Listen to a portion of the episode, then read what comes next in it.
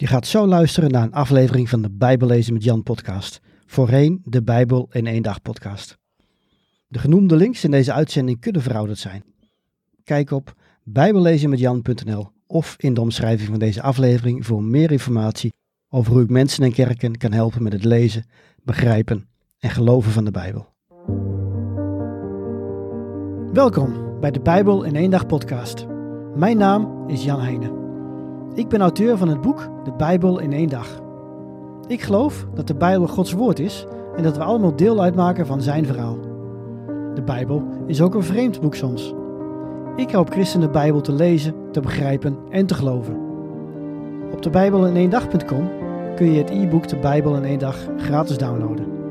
Ook kun je de paperback bestellen of je inschrijven voor een van mijn cursussen of seminars. Oké, laten we met de aflevering beginnen. En we gaan verder met de profeten. En wel met het Bijbelboek Ezekiel. Ezekiel was een jonge priester die net als vele andere Israëlieten werd meegevoerd naar Babel in het jaar 597 voor Christus. Op een dag zit hij in het vluchtelingenkamp aan de rivier als God hem een visioen toont. In zijn beeld ziet hij hemelse wezens met vier koppen. De vleugels van de wezens raken elkaar aan en met z'n allen houden ze een koepel in de lucht.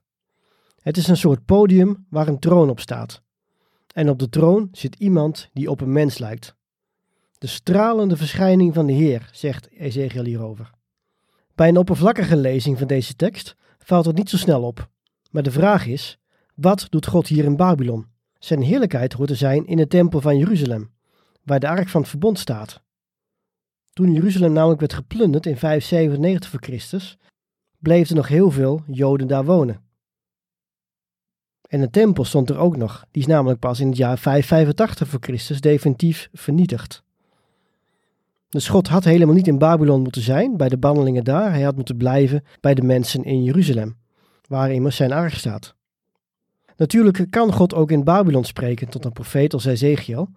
Maar het verontrustende is dus dat in deze droom Gods troon is verhuisd van Israël, van het beloofde land, naar Babylon. En al snel wordt duidelijk waarom Gods troon niet meer in de hoofdstad van zijn volk staat. Want na de eerste aanval van de Babyloniërs, dus in 597 voor Christus, komt namelijk een tweede, zo'n tien jaar later, waarbij Jeruzalem en de tempel ook verwoest zullen worden. God roept Ezekiel als profeet om de mensen te waarschuwen, maar vertelt er ook bij dat de mensen niet naar hem zullen luisteren. De taak van een profeet is niet makkelijk. Ezekiel moet zelfs uitbeelden wat het volk te wachten staat. Zo speelt hij een oorlog na, moet hij zijn haar afscheren en zelfs doen alsof hij de zondebok is die elk jaar op de grote verzoendag de woestijn in wordt gestuurd. Hij moet ook nog een jaar op zijn zij liggen en zijn eten koken boven een hoopje stront, als een teken van het smerige voedsel dat het volk straks krijgt als het definitief en met z'n allen in Babylon zou verblijven. Wat we in alle voorgaande Bijbelboeken hebben gezien, zien we nu weer. Het volk luistert niet, precies zoals God had voorspeld. Hun hart is te hard. Een jaar later geeft God een nieuw visioen aan Ezekiel. Dit keer laat God zien hoe de tempel wordt onteerd en hoe afgoden worden aanbeden door het volk. De Heer maakt duidelijk dat de mensen die aan deze kwalijke praktijken meedoen, worden omgebracht. En Ezekiel ziet de glorie van God vertrekken uit de tempel, precies zoals in zijn visioen van een jaar eerder. De troon op een koepel, gedragen door hemelse wezens. Het is een heel tragisch beeld, want het lijkt erop alsof het verbond tussen God en zijn volk wordt verbroken. Maar dat is niet zo, want God vertelt Ezekiel dat de mensen een nieuw hart nodig hebben, een hart van vlees en bloed. En God zal dat geven. Ook zal hij uiteindelijk het volk laten terugkeren. De boeken van de profeten zijn soms moeilijk te begrijpen. Toch zijn ze belangrijk, want ze laten Gods hart zien. Zijn passie om zijn heerlijkheid te delen met ons. In Ezekiel leren we dat de mens van nature zondig is. We zijn niet in staat om ons aan de wet te houden. God zal ons de verandering van ons hart geven die nodig is. Hij is genadig, maar omdat God niet alleen barmhartig, maar ook rechtvaardig is, kan hij het kwaad niet ongestraft zijn gang laten gaan. En er blijken dan weer twee categorieën mensen te zijn. Zij die hun vertrouwen op God stellen en zij die God afwijzen. Mensen die trots zijn en die niets met God te maken willen hebben, zullen worden geoordeeld. Dit geldt voor Israël, voor Jeruzalem, maar ook voor alle volken om Israël heen. En de hoofdstukken die deze oordelen beschrijven, zijn er moedeloos van te worden. Maar in het laatste deel van het boek communiceert God weer hoop.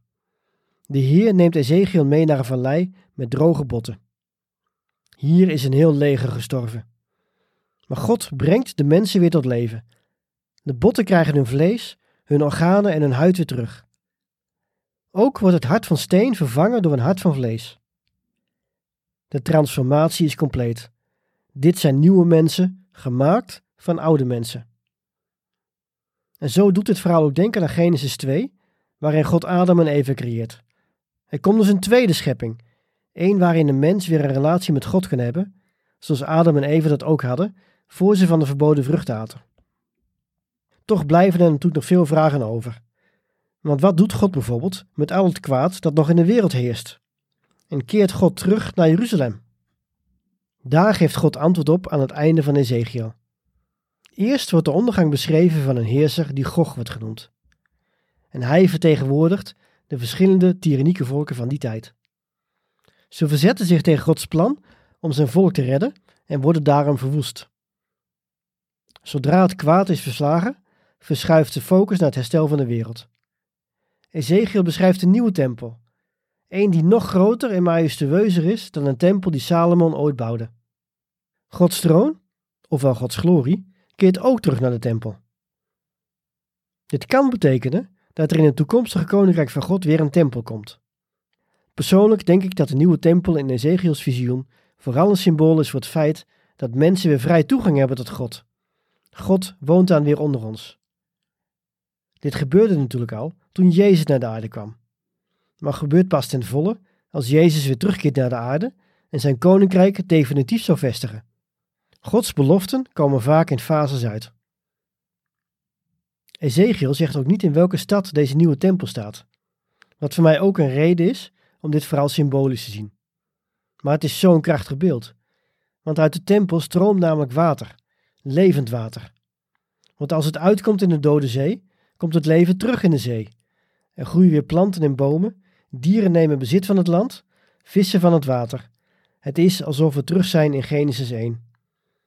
In deze tuin, of hof, wordt een stad gesticht. En de naam van die stad, de Heer is daar. En zo is het een prachtig einde van een toch wel enigszins somber Bijbelboek. Althans, somber in het midden vooral. Het einde is, zoals ik net al zei, ja, geweldig. En we zullen onze reis door de Bijbel vervolgen met het Bijbelboek Daniel, ook een prachtig profetisch boek.